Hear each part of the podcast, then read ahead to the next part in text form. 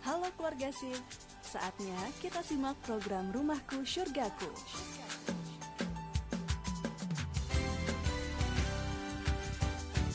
Rumahku Surgaku bersama Ustadz Ali Margosin, seorang praktisi keluarga bahagia. Sesaat lagi.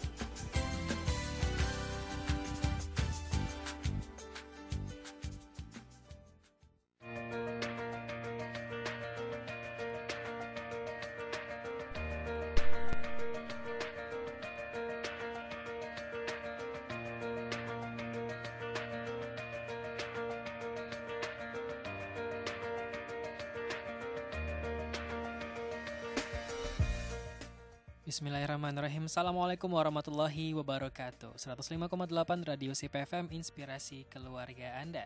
Selamat pagi keluarga SIP di mana pun Anda berada. Senang sekali sahabat share Anda Hafiz Al-Ghifari Bisa kembali mengisi ruang dengar Anda di pagi hari ini Tentunya di program Rumahku Surgaku Wujudkan keluarga idaman dambaan kita semua ya dan seperti biasa keluarga SIP di jam 10 pagi ini kita bakal ditemani dengan narasumber kita yakni Ustadz Ali Margosim yang merupakan seorang praktisi keluarga bahagia spesialis anti selingkuh ya.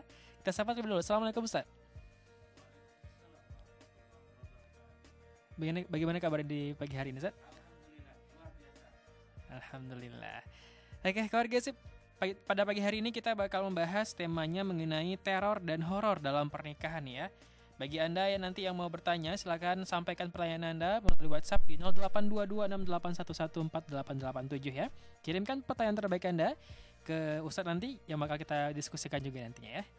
Oke, baiklah Ustadz. Mengenai tema kita pada pagi hari ini Ustadz, teror dan horor dalam pernikahan. Ini sepertinya juga sering dialami oleh orang-orang yang sudah berumah tangga di luar sana nih Ustadz. Tapi Ustadz, mungkin berikan sedikit uh, pengantar dulu Ustadz di segmen pertama ini. Bismillahirrahmanirrahim. Assalamualaikum warahmatullahi wabarakatuh. Keluarga SIP yang berbahagia Kembali berjumpa dengan saya Ali Margosim Askarillah Baik, eh, pada kesempatan ini kita akan mengupas ya Bincang-bincang sederhana Mhm. tentang teror dan horor. Betul. Jadi bertanya ini menakutkan sekali Kayaknya serem banget nih rumah tangga ya Serem Ustadz ya. banget ini rumah tangga Ini jangan-jangan kita ditakut-takuti sama ustadznya Mhm. Atau beneran ada sih Mhm, ya. Kalau kita tengok dalam realita kehidupan Mhm. Ini eh, bukan sekedar ada saja Tapi memang banyak Mhm. Banyak sekali terjadi Iya. Nah inilah eh, kiranya yang melatar belakangi eh, tema ini kita bahas pada hari yang berbahagia ini Mhm. Jadi memang eh, perlu kita ketahui nih Sat ya, nggak nggak cuman buat ditakut-takuti, cuman memang perlu untuk dipahami oleh orang di luar sana biar nanti nggak kagok nih kalau misalnya sudah sudah di di apa ya dah- sudah mengalami namanya namanya rumah tangga itu sendiri ya Sat ya. Iya Mhm. Oke, Sat, mungkin langsung saja nih Sat. Em, kenapa kita harus mempelajari mengenai tema hari ini Sat? Ya, begini. Al-Quran turun itu ada asbabnya yang disebut dengan asbabun nuzul. Hadis juga begitu. Itu turun. Tema ini kita angkat pada hari ini. Ada sebabnya. Sebab teror ini Mhm. merupakan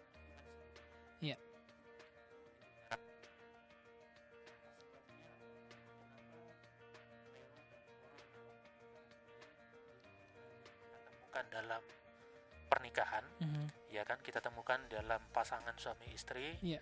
ada yang masih bertahan bertahan dalam penderitaan ada juga yang tidak kuat akhirnya bercerai Iya. ya kan Mhm. apakah teror dan horor ini benar-benar nyata atau fiktif belaka Mhm. Kayak sinetron ya ya. kalau kita tengok ya dan sesuai dengan pengamatan saya selama ini ini bukan fiktif tapi benar-benar nyata Mhm. Nah, ini persoalan.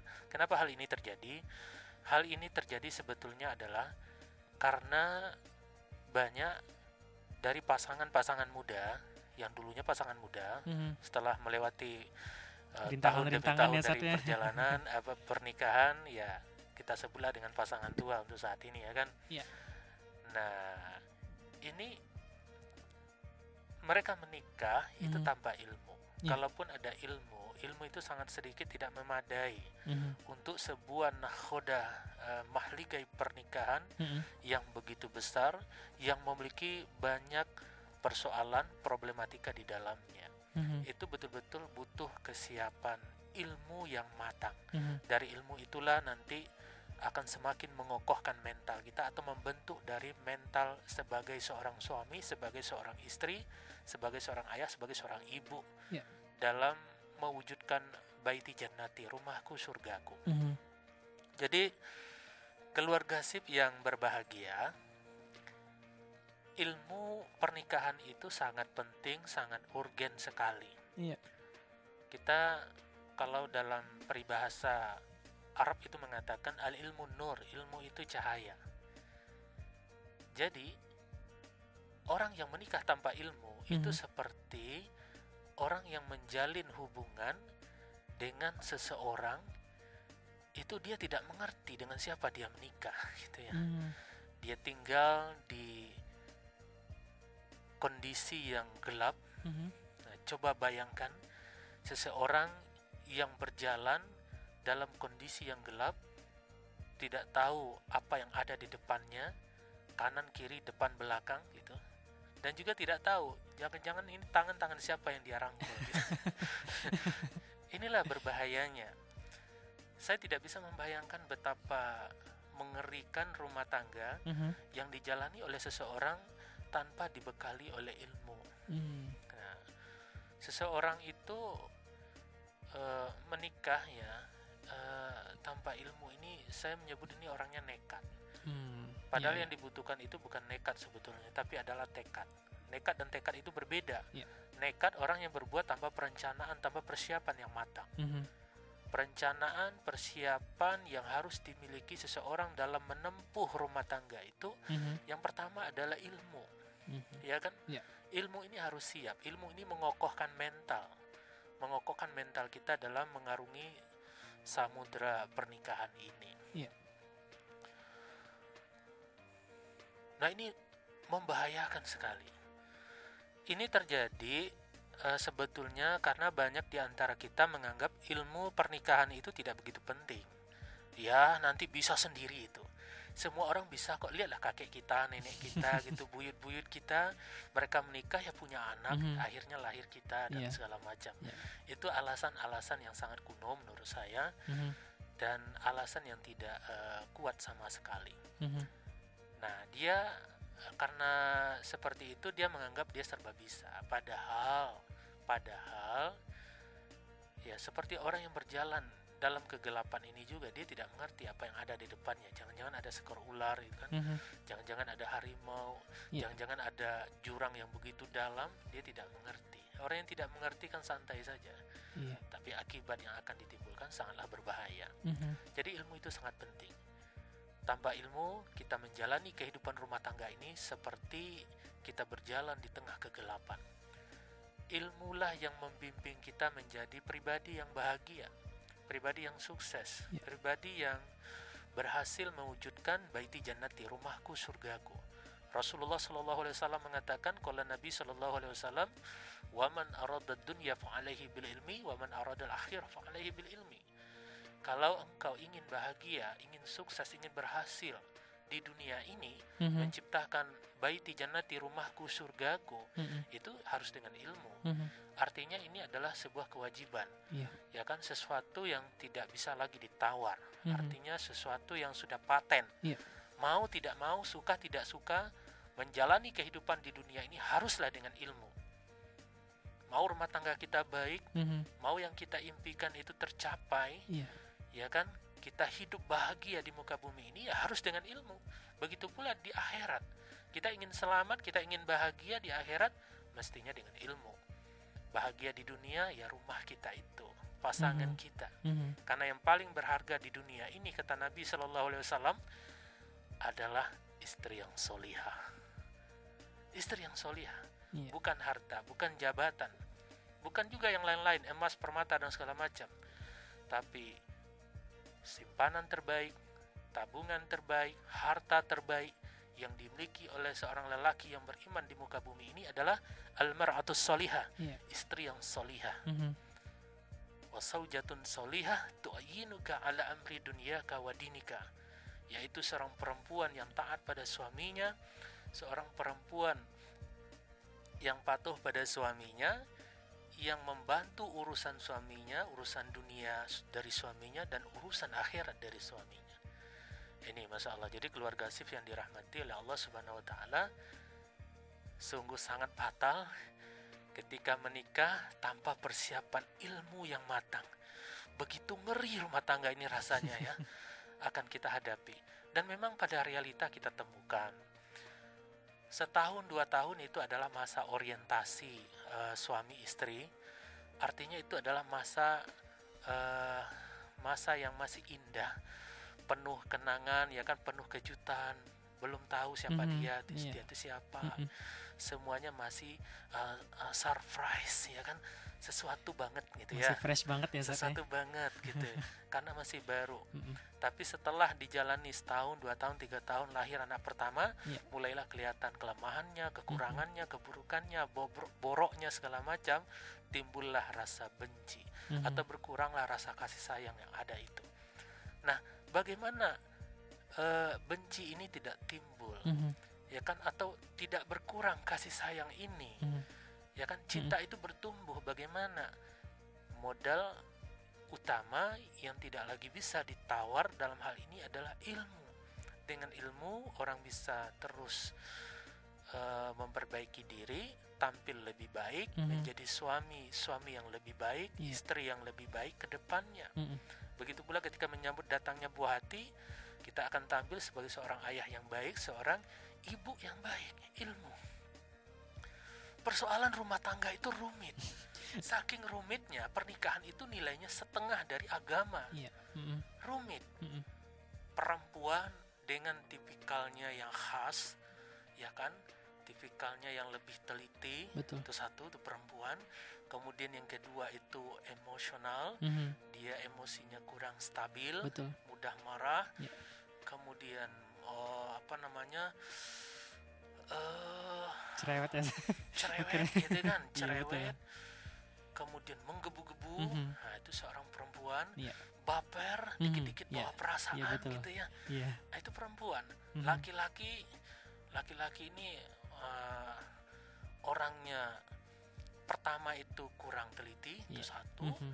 kemudian yang kedua dia itu banyak yang bermuka tembok gitu ya artinya hal-hal kecil itu nggak begitu peduli betul, betul. karena memang fokusnya ke hal-hal yang besar mm -hmm. lebih besar gitu yeah. ya kemudian laki-laki ini lebih rasional mm -hmm. tidak yang menonjol dari dirinya adalah rasionalitas bukan mm -hmm. perasaan kalau yeah. wanita perasaan mm -hmm. ini sesuatu yang berbeda ya kan mm -hmm.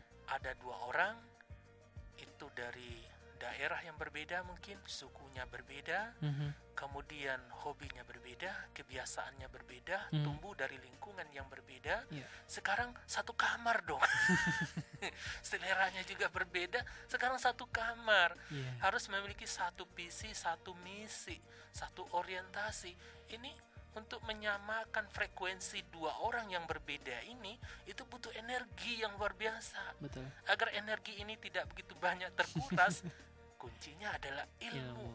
ilmu. Kuncinya adalah ilmu. Mm-hmm. Ketika seorang istri ngambek, gimana nih suami bisa uh, mengelola ngambeknya itu? Dikelola dong, jangan dibiarin aja, gitu kan? Didiamin Atau aja ya. Jangan didiamin juga, jangan didiamin iya, juga. Yeah, Itu butuh solusi, mm-hmm. ya kan? Ketika seorang istri ini cerewet, karena memang uh, seorang istri ini apa memiliki fitrah itu dia cerewet, ya? kodratnya mm-hmm. begitu dalam sehari dia harus ngomong minimal 23 ribu kata. Mm-hmm. gimana nih mengelolanya? Manajemennya seperti apa? Nah ini dibutuhkan kedewasaan seorang suami. Betul. kedewasaan itu tumbuh karena ilmu. Karena dia tahu. Dari tahu itu muncul kesadaran. Mm-hmm. ya kan? Dia jadi memahami mengerti. Mm-hmm. sehingga dia bisa bersikap lebih bijak. Itu Seorang istri juga begitu, dia harus mengerti kebutuhan suami. Ya kan ketika suaminya temperamental, bagaimana nih menghadapi suami yang temperamen? Bagaimana menyenangkan hati suami? Ya kan hmm. ketika suami marah apa sikap saya? Ketika suami ini uh, apa namanya bermuka tembok tadi bagaimana menghadapinya mm-hmm. ya kan karena suami ini fisiknya lebih kuat gitu ya kan yeah. Dia adalah pemimpin arijalu kawamuna ala nisa. Dia itu pemimpin di rumah tangga. Bagaimana kita menghormati sebagai seorang perempuan itu menghormati suaminya bagaimana? Itu mm-hmm. butuh ilmu. Mm-hmm. ya kan? Yeah. jangan sampai istri suami apa emosinya meledak suami turut menyiramkan bensin. Hmm, bleber. Nah itu hancur ya kan? Betul betul. Jadi uh, ilmu itu sangat penting. Belum lagi nanti persoalan-persoalan uh, kecil dengan tetangga. Hmm. Nah, lebih rumit lagi biasanya iya, iya. kalau uh, menantu perempuan itu dengan ibu mertua. Iya, iya. Ibu mertua merasa dialah yang paling tahu iya, itu betul, anak betul, saya. Betul. Mm-hmm. Karena saya melahirkan, saya iya. mengandung, melahirkan, membesarkan, menyekolahkan. Kamu taunya udah jadi doang. Iya, iya. ya Makin kan? ribet ya, Sad ya. Ah, itu ibu gitu ya. Nah, seorang seorang anak dia harus pintar bagaimana uh, uh, konflik antara ibunya dengan istrinya ini bisa diredamkan dengan baik. Mm-hmm. Itu kan diberi pemahaman kepada kedua belah pihak. Mm-hmm. Itu butuh ilmu. Tanpa ilmu ini bisa jadi sesuatu yang oh, tiap hari meledak, perang gitu, ya. gitu meledak betul, ya kan betul. akhirnya rumah tangga bisa pisah. Mm-hmm. Gitu kan betapa banyak kita lihat rumah tangga itu padahal ya baru setahun jagung mm -hmm. akhirnya bubar yeah. karena orang tua. Mm -hmm. Orang tua tuh niatnya baik. Tergantung kita bagaimana menyikapi. Mm -hmm. Si istri juga begitu, dia tahu posisinya sebagai menantu. Dia mengerti bahwa suaminya ini adalah milik ibunya Betul. dan dia adalah milik dari suaminya. Mm -hmm. Maka dia pun harus tahu posisinya. Dia juga bisa menyikapi itu dengan bijak, dengan dewasa sehingga dia aman suaminya tidak apa namanya bisa lebih tenang dalam bekerja hmm. dan hubungannya dengan mertua tetap bagus. Nah, keharmonisan ini Betul. butuh ilmu. Nah, keluarga sip yang berbahagia jadi tidak terlambat bagi kita untuk selalu belajar mengupgrade diri kita. Hmm. Kata Nabi, "Thalabul ilma faridatun ala kulli muslimin." Menuntut ilmu itu wajib bagi setiap muslim dan muslimah. Tolobul ilma minal mahdi ilal lahdi. menuntut ilmu itu dari ayunan sampai liang lahat. Kalau selama ini kita menikah tanpa persiapan hanya bermodal nekat, nekat mm -mm. hanya bermodal keingin apa ingin seperti oh, mereka-mereka yang ada di uh, drama Korea gitu ya yang begitu bah, apa kelihatannya uh, romantis banget. mm -hmm rasa pengen dong. Nah, selama ini ternyata modal kita hanya itu. Betul betul. Maka mulai dari sekarang kita belajar. Mm -mm. kita dengarkan pengajian pengajian kita dengarkan uh, siaran ini rumahku surgaku baca buku. Teruslah di upgrade dengan demikian kita bisa tampil lebih baik.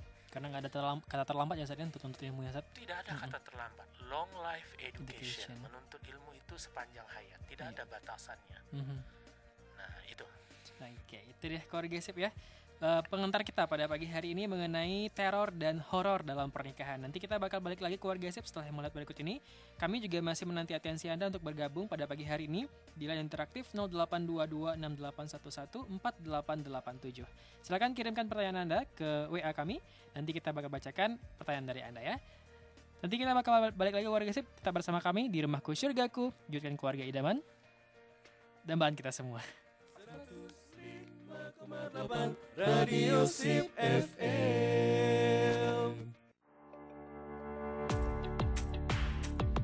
Keluarga Sip, wakaf termasuk ke dalam sedekah jariah. Pahalanya akan terus mengalir selama aset wakaf tersebut digunakan dan dimanfaatkan. Mari berwakaf tanah dalam bentuk uang tunai untuk pembebasan lahan beserta pembangunan asrama santri perguruan Islam Arisalah di kawasan Yayasan Wakaf Arisalah. Asrama yang akan dibangun di atas tanah tersebut nantinya akan melahirkan para dai dan penghafal Al-Quran.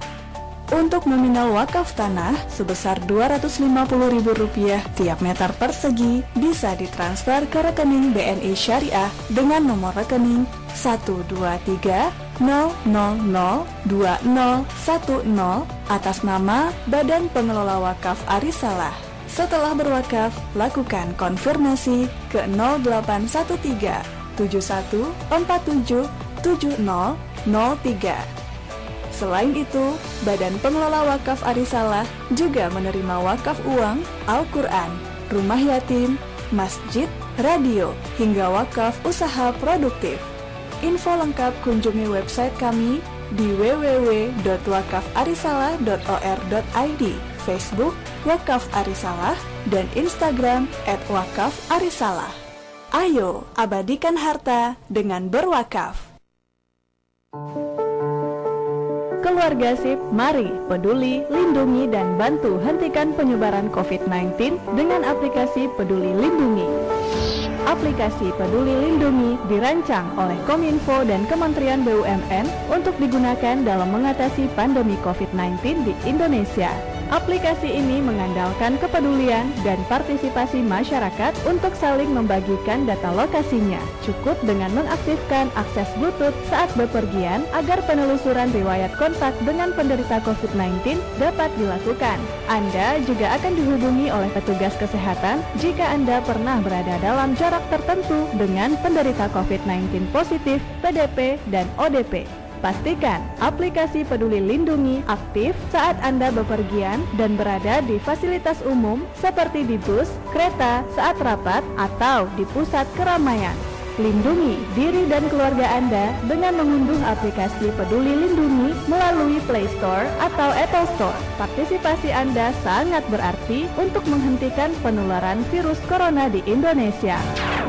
Aplikasi Peduli Lindungi didukung oleh Kementerian Komunikasi dan Informatika, Kementerian Kesehatan, Kementerian BUMN, dan Badan Nasional Penanggulangan Bencana. Hei kamu, iya kamu. Ayo kita sama-sama terapkan 3M. Selalu menggunakan masker ketika berada di luar rumah Ingat ya, sebelum menggunakan masker, cuci tangan dengan sabun di air yang mengalir atau gunakan hand sanitizer. Kemudian, pastikan bagian hidung dan mulut tertutup dengan baik tanpa ada celah di antara wajah dan masker. Pastikan juga tetap menjaga jarak dengan orang sekitar 1 hingga 2 meter loh ya. Ingat 3M, memakai masker, mencuci tangan pakai sabun dengan air mengalir, serta menjaga jarak. Jangan kendor, tetap laksanakan protokol kesehatan di mana pun, kapan pun. Aku, kamu, dan kita semua. Pesan ini disampaikan oleh Dinas Kesehatan Provinsi Sumatera Barat.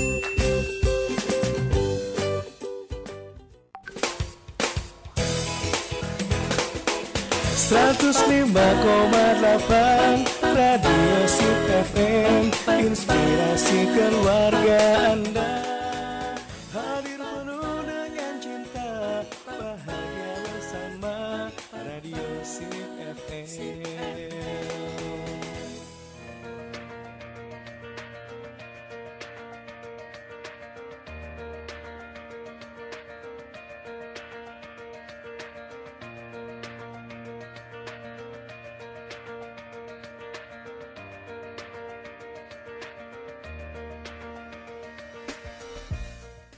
105,8 Radio SIP FM Inspirasi Keluarga Anda. Masih bersama kami Keluarga SIP di program Rumahku Surgaku. Wujudkan keluarga idaman dan dambaan kita semua. Dan kita masih menanti atensi Anda untuk bergabung pada pagi hari ini Di line interaktif 0822 6811 4887 ya. Anda juga bisa menyimak siaran kami keluarga SIP melalui uh, streaming di www.sipfm.com ya. Baik, keluarga sip kita lanjutkan terlebih dahulu ya mengenai tema kita pada pagi hari ini yakni teror dan horor dalam pernikahan. Saat tadi mengenai uh, penyebab uh, terjadinya teror dan horor dalam pernikahan itu salah satunya adalah ilmu yang kurang ya Sat ya. Um, lalu apa saja lagi Sat yang mungkin bisa menyebabkan teror dan horor ini dalam pernikahan semakin menjadi menjadi jadi Sat? Keluarga sip yang dirahmati oleh Allah Subhanahu wa taala. Jadi uh, asbab terbesar terjadinya persoalan ini mm-hmm. teror horor sesuatu yang menakutkan dalam pernikahan ini memang uh, faktor terbesarnya adalah kurangnya ilmu atau tidak adanya ilmu dalam pernikahan ini sebetulnya banyak sekali kita temukan dalam realita ya betapa mm-hmm. banyak anak-anak muda yang mungkin sudah uh, menyelesaikan pendidikan S1, S2, S3, Mhm. terus merasa mapan dengan ilmunya dan merasa tidak penting dengan ilmu pernikahan. Mhm. Kalau bagi saya, justru sebelum menguasai ilmu-ilmu yang lain, ilmu pernikahan ini dulu yang pertama. Kenapa? Sesukses apa pun seseorang Mhm.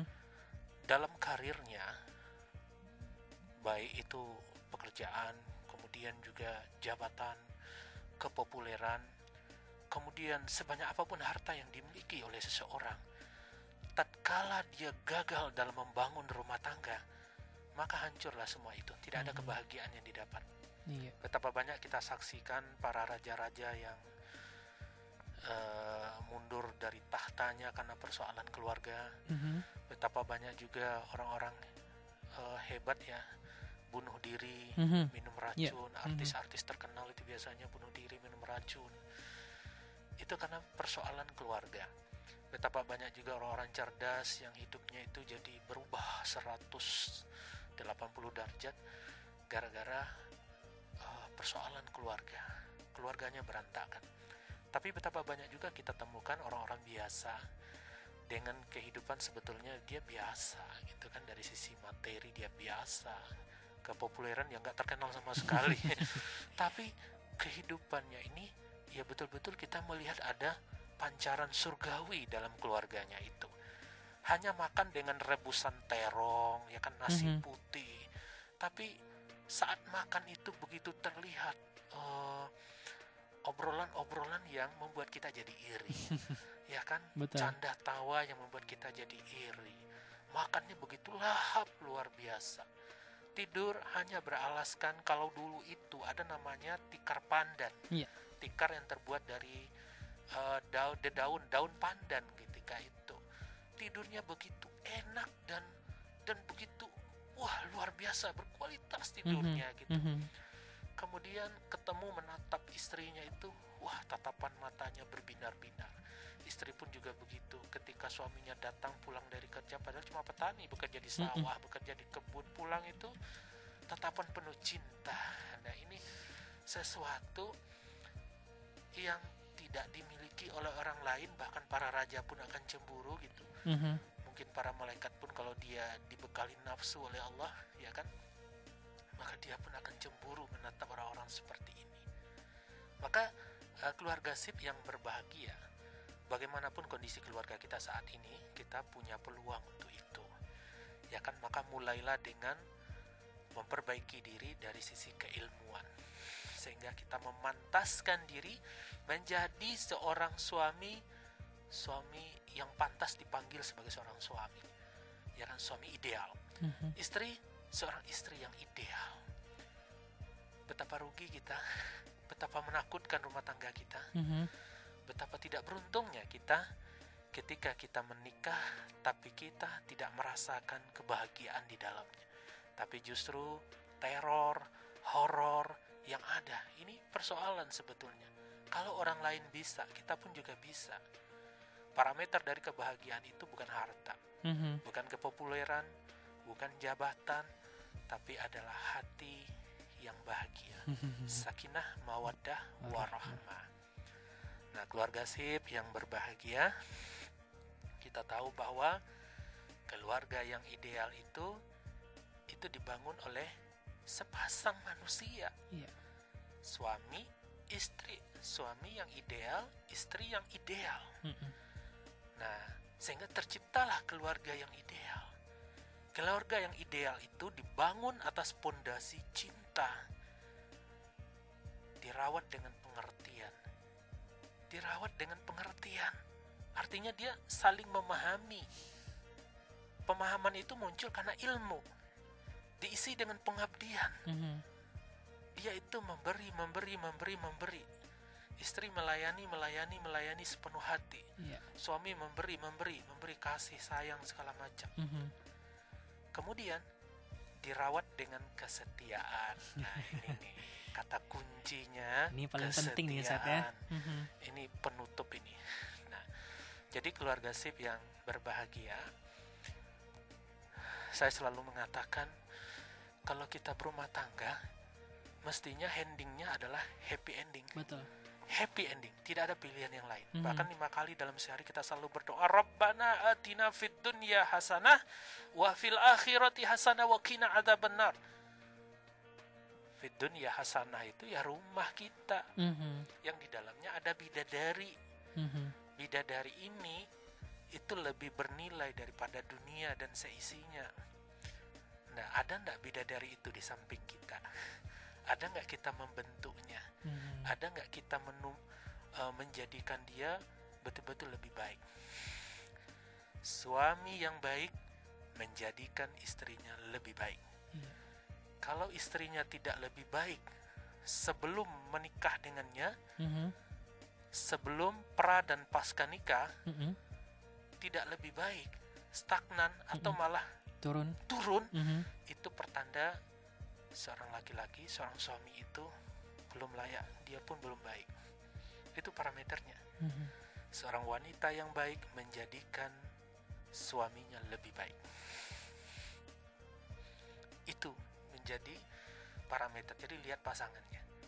Kalau dulu contoh nih, Iya. dulu sebelum menikah, si Aha. lelaki ini kurus krempeng, Banyak pusat biasanya. jerawatnya banyak gitu ya kan. Betul. tapi setelah menikah uh badannya berisi ya Mhm. kan oh, kelihatan cerah gitu ya hidup kulit kulitnya itu terlihat gitu ya kemudian eh, penampilannya necis rapi gitu ya kan bahasanya juga bahasa yang indah Ah, ini pertanda istrinya hebat Hmm. begitu pula suami lihat istrinya Mhm. sebelum dulu menikah sama dia Iya. uh itu akhwat tangguh perempuan cantik banget gitu Mhm. ya kan penampilannya luar biasa tapi setelah menikah kok jadi ini ya jadi kayak nenek-nenek gitu ya penampilannya udah sembraut Mhm. gitu kan wajahnya juga ya Allah ah, itu pertanda itu suaminya belum layak disebut sebagai suami yang Mhm. baik Iya, iya. ya kan itu secara fisik Mhm. bisa juga dari sisi keilmuan sebelumnya dia itu eh, belum solihah sekarang udah solihah itu salah satu parameternya Mhm. kemudian sebelumnya dia itu eh, bacaan Qurannya kurang bagus sekarang jadi bagus belum punya hafalan sekarang udah punya hafalan dulunya itu eh, kepedulian terhadap sesama kurang sekarang menjadi naik nah itu parameter-parameter parameternya itu banyak Mhm. Intinya adalah sebelum dan sesudah menikah itu harus dipastikan sesudah menikah itu lebih baik daripada sebelum menikah. Gitu. Mhm. Jadi eh, keluarga sip yang berbahagia, Mhm. Teror dan horor ya ini contohnya banyak sekali kalau kita sebutkan. Tapi intinya yang ingin saya sampaikan adalah eh, sudahlah fokuslah bagaimana meraih kebahagiaan. Turunkan ego, turunkan ego yang ada dalam diri kita ini. Tetaplah pasangan kita penuh cinta. Yakinkan diri, yakinkan dirinya bahwa kita menikah untuk bahagia bukan untuk. Keluargamu, keluargaku nggak ada lagi. Setelah menikah tidak lagi ada istilah keluargamu dan keluargaku. Yang ada adalah keluarga kita. Mhm. Setelah menikah tidak ada lagi namanya ambisimu, ambisiku. Yang adalah ambisi kita gitu. Setelah menikah tidak ada lagi yang namanya urusanmu, urusanku. Yang ada adalah urusan kita. Mhm. Betul. Sebelum setelah menikah tidak ada nama yang namanya kesuksesanmu, kesuksesanku. Yang adalah adalah kesuksesan kita. Kebahagiaan kita. Nah, itu yang yang perlu di- dimunculkan. Coba bayangkan itu ya. Bagaimana sebuah rumah tangga di mana istri mengancam suaminya. Awas ya. Kalau di luar sana nanti ketahuan pacaran. Awas ya. Kalau nanti di luar sana eh, papa berbohong kepada mama ada kata-kata awas. Kemudian jangan coba-coba.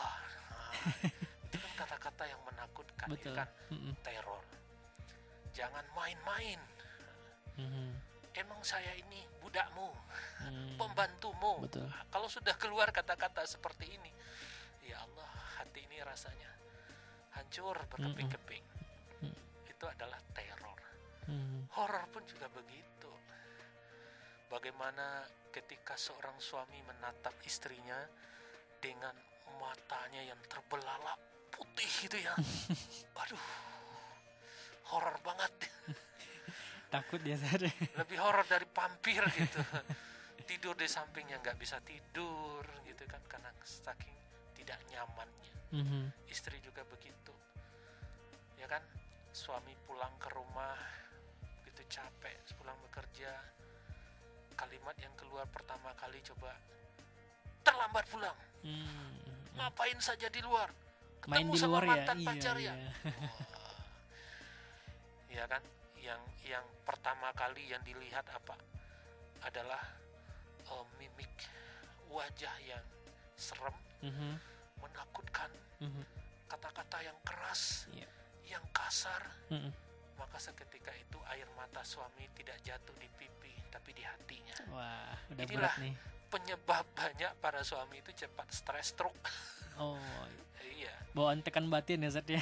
Iya karena suami itu kalau ada masalah masalahnya jatuh ke dalam. Mhm. kalau perempuan ada masalah dia menangis air matanya jatuh keluar. Betul. Itu perbedaannya. Hmm. nah jadi bagi ibu-ibu yang sayang sama suaminya ya pandai-pandailah bermanis. Muka bermanis kata karena semua itu adalah ibadah. Ya dan memang kewajiban seorang istri juga begitu ya kan? Mhm. kata Nabi ala ukhbiruka bi khair ya ma'nidul mar'u. Tahukah kalian kekayaan yang pernah disimpan oleh manusia? Maka para sahabat bertanya apa itu ya Rasulullah? Rasul menjawab al mar'atus solihah istri yang solihah Mhm. bagaimanakah istri yang solihah itu ya Rasulullah Rasulullah menjawab wa idza nadhara 'alaiha sarrathu jika kalian pandang menyenangkan wajah itu wajah yang menyenangkan bisa jadi parasnya nggak cantik Mhm. biasa-biasa saja iya tapi ketika berjumpa gitu kan Mhm. dekat suaminya Mhm. senyumnya itu penuh ketulusan penuh cinta gitu kan kemudian kata-katanya yang lembut kata-katanya yang menyemangati memotivasi menguatkan. Gitu perlakuannya itu yang enak gitu ya. Perlakuannya itu yang membuat suami semakin bersemangat kuat tegar. Inilah. Mhm. wa idza nadhara 'alaiha sarrathu. Wa idza wa idza amaraha ata'athu jika diminta suaminya masak masak jika diminta oleh suaminya buatin bubur dibuatin. Jika diminta oleh suaminya ke kamar ya ke kamar. Dan lain-lain sebagainya. Taat pada suami. Kemudian wa idza ghaba anha hafizathu jika suaminya keluar rumah bepergian keluar kota dia jaga dirinya. Ke- kesuciannya dia jaga kehormatannya. Dia jaga anak-anaknya dia jaga harta suami dia jaga nama baik suami. Nah istri solihah maka eh, keluarga sip yang dirahmati oleh Allah Subhanahu wa taala. Apa sih yang kita cari dalam hidup ini? Yang kita cari itu kebahagiaan. Surga dunia itu maknanya kebahagiaan. Kebahagiaan itu ada dalam rumah tangga. Mhm. tidak lengkap kebahagiaan seseorang. Mhm. Kalau dia itu menyendiri, membujang, atau kalau dia gadis dia ya jomblowati ya, menjomblo sampai akhir hayat tidak. Kebahagiaan itu ya seperti simbol love itu, ya kan, simbol love. Artinya eh, tidak bisa dipisahkan karena memang manusia itu fitrahnya diciptakan berpasang-pasangan. Mhm. Nah, ketika tidur sendiri dengan tidur berdua, enakan mana? Enak tidur berdua dong. Ketika makan sendiri dengan makan berdua, enakan mana? Berdua. Enak makan berdua dong. Mhm. Sekalipun hanya makan nasi, rebus terong tetap enak. Karena saat makan itu ada canda tawa, senyum manis, ya kan bercerita gitu. Itu lebih enak daripada makan KFC, Mhm. makan di ya di tempat-tempat mahal segala macam lebih enak makan berdua Mhm. walaupun yang dimakan menunya sederhana Iya. itu ciptakanlah kebahagiaan kita itu kalau selama ini ada horor ada teror dalam rumah tangga maka diskusikanlah dengan hati yang lapang. Cari solusinya. Apa kita mau begini terus nih? Mosok rumah tangga angker. Emang di sini ada setan apanya ini? Udah kayak rumah kosong lagi ya, Sat ya, angker. Saya jawab setannya kalian berdua. Kenapa bisa begitu? Karena nggak ada ilmu. Rumah tangga itu gelap. Mhm. Yang menerangi rumah itu adalah ilmu. Ilmu Mm-mm. dari suami dan istri. Mhm. Suami saja yang punya pengetahuan, istrinya nggak capek juga suaminya. Iya. Capek. Mhm. Yang satu terang, yang satu gelap. Yang terang menerangi yang gelap. Istri yang tahu ilmu pernikahan suaminya nggak, aduh istrinya yang menderita. Mhm. Ya kan? Mm-mm. apalagi suami dengan egonya yang tinggi merasa lebih tahu lebih pandai lebih gagah ya kan? Lebih jago diomongin sama istri Allah saya lebih tahu dari kamu. Saya ini kan suami. Kamu aja bisa makan saya ngasih. Oh. Wah, aku menangis ego, itu lagi ego lagi. pulangkan saja aku pada ibuku. Aduh, berabe deh ini. berabe sekali.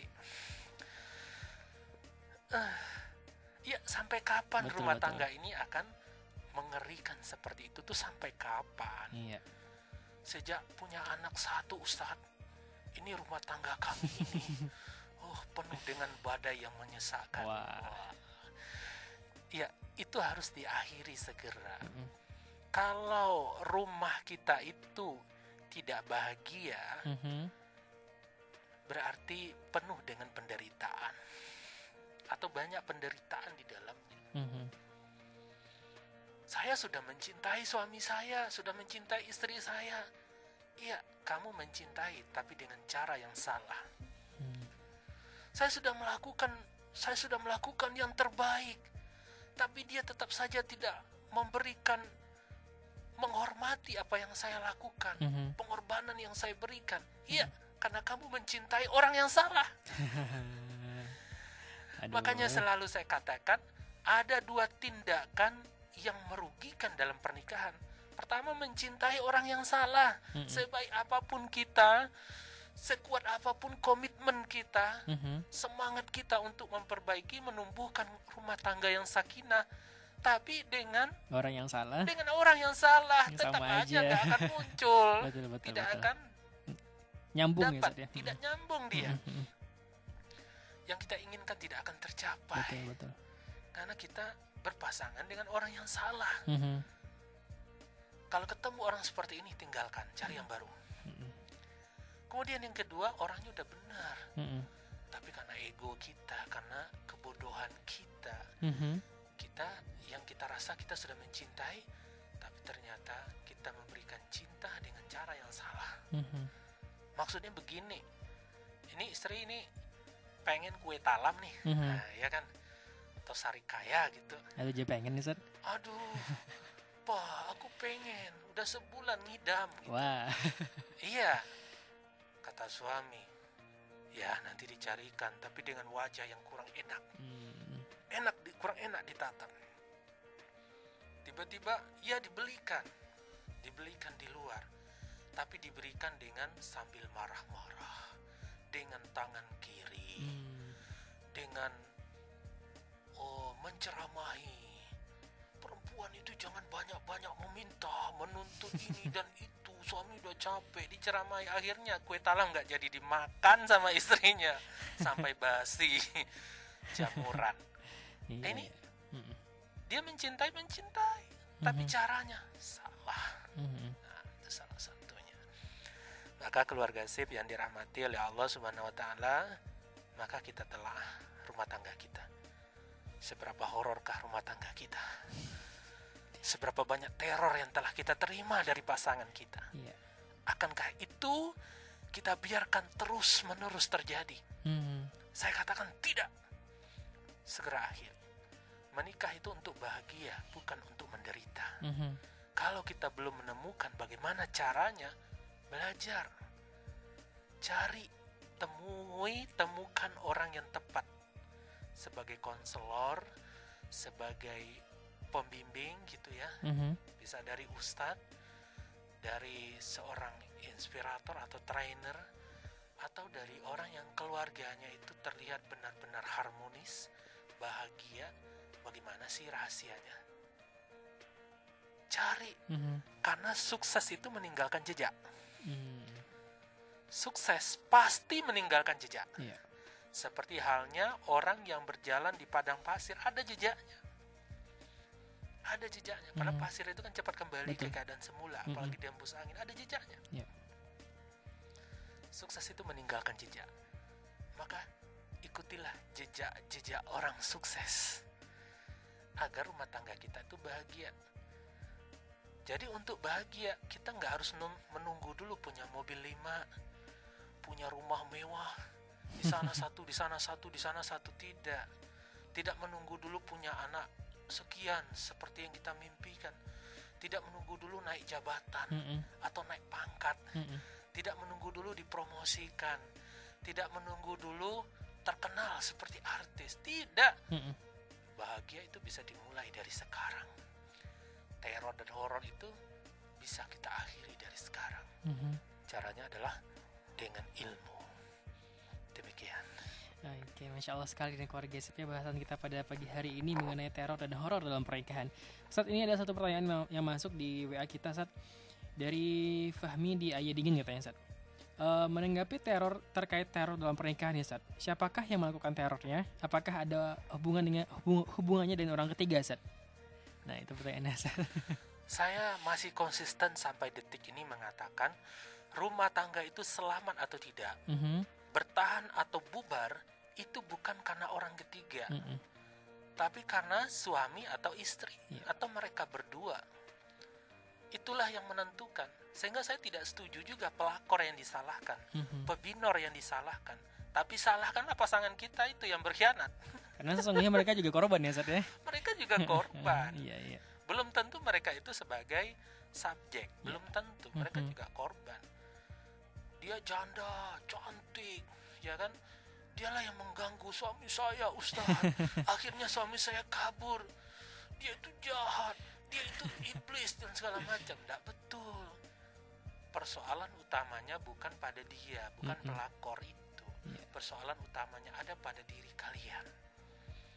Seberapa harmonis kalian. Saya nggak pernah bertengkar tuh Pak Ustadz. Semuanya aman, harmonis saja. Nggak, mungkin. Mhm.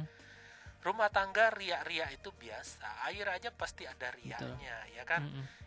Kalau air itu beriak, orang mengatakan pertanda tak dalam oke satu. Yang kedua, pertanda ada ikannya. Mhm. Pertanda ada kehidupan di dalamnya. Iya. Maka kalau rumah tangga itu ada sedikit eh, pergesekan, beda pendapat, Mhm. pertengkaran kecil, itu hal yang wajar, itu bumbu kebahagiaan. Justru perlu disyukuri. kalau rumah tangga itu dia diem aja juga nggak bagus, Hmm, ya kan? Betul betul. Nggak bagus. Mhm. Pertanda kita hidup mesti ada gejolak-gejolak. Iya. Nah, bagaimana menyikapi gejolak itu? Di sanalah kita bisa menilai seberapa berkualitas diri kita. Mhm. Bahkan eh, orang tua, mertua itu bagi saya itu tidak pengganggu. Tidak pengganggu Mhm. Dari rusaknya sebuah rumah tangga. Yang menjadi persoalan adalah daya tahan suami dan istri ini. Kuat nggak ya? Seberapa gitu, kuat ya? dia? Mhm. Seberapa dalam pengetahuannya, Mhm. seberapa dewasa dia dalam menyikapi hal demikian. Iya. Di sana kuncinya. Jadi teror dan horor itu ya di antara suami Dan istri. istri. Kalau Mhm. nggak dari suami ya dari istri. Mhm. Ini Hmm. Kalau yang meneror maling itu biasa. Mhm. Oh dia kan maling. Iya. Saya nggak kenal dia, Mhm. terserah dia. Saya juga nggak punya hutang budi. Saya nggak mencintai dia. Iya. Diteror biasa. Mhm. Tapi kalau yang meneror orang yang kita cintai, langsung berkeping-keping itu hati. Oh, hancur ya Sat. Hancur. Bagaimana tidak? Jadi begini, ada sebuah hukum yang berlaku dalam percintaan. Mhm. Seberapa dalam lukamu, Mhm. sedalam itu pula lah cintamu padanya. Wah, Wah. aduh. Dalamnya luka itu pertanda dalamnya cinta kita. Mhm.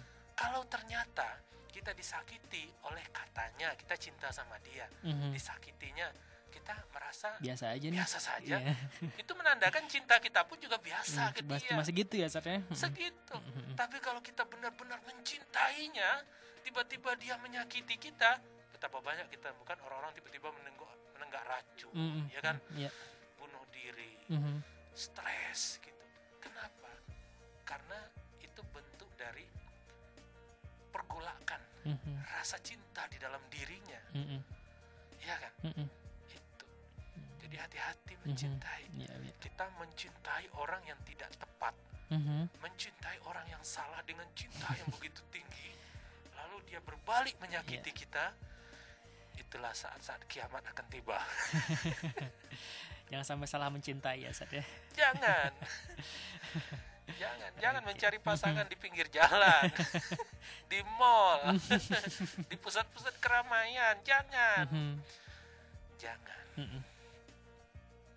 Iya. Itu dia Mbak Fahmi ya. Semoga menjawab pertanyaan tadi ya. Jadi yang berhubungan itu cuma antara suami dan juga istri ya. Oke. Sat udah hampir di penghujung pertemuan kita pada pagi hari ini Sat. Mungkin sebelum kita tutup ada eh, kalimat penutup terlebih dahulu Sat. Silakan Sat. Keluarga sip yang berbahagia, menikah itu untuk bahagia, bukan untuk menderita. Jika saat ini rumah tangga kita penuh dengan horor dan teror, banyak masalah, maka langkah pertama yang perlu dilakukan adalah bermuhasabahlah berdua. Evaluasilah. Mhm.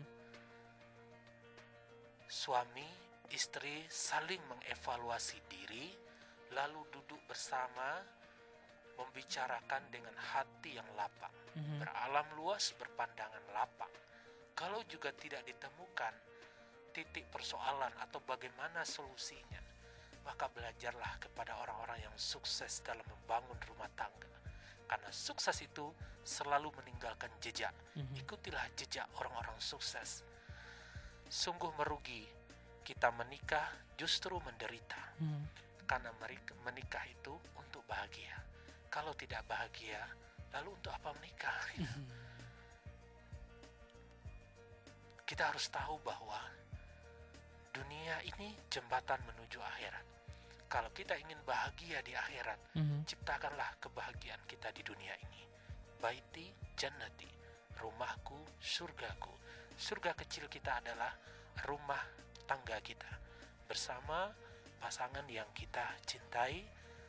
Kemudian untuk meraih surga yang sesungguhnya nanti di akhirat, mudah-mudahan jannatul firdaus. Amin. Oke, itu dia keluarga sip ya perbincangan kita pada pagi hari ini dengan Ustadz Ali Margosim mengenai teror dan horor dalam pernikahan tentunya di program Rumahku Surgaku. Insya Allah nanti minggu depan kita bakal bertemu kembali ya Ustadz ya di program yang sama, di jam yang sama juga. Nantikan episode-episode berikutnya dari Rumahku Surgaku ya.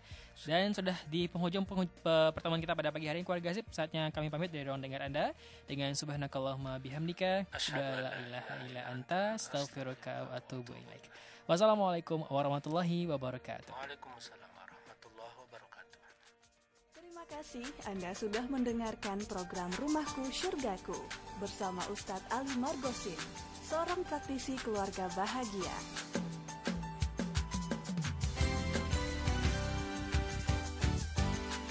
Rumahku Surgaku, kerjasama Radio Sip FM dan UPZ Yayasan Alumni Fakultas Kedokteran Universitas Andalas. Dengarkan Rumahku Surgaku Selasa pekan depan di jam 10 pagi hanya di Radio Sip FM.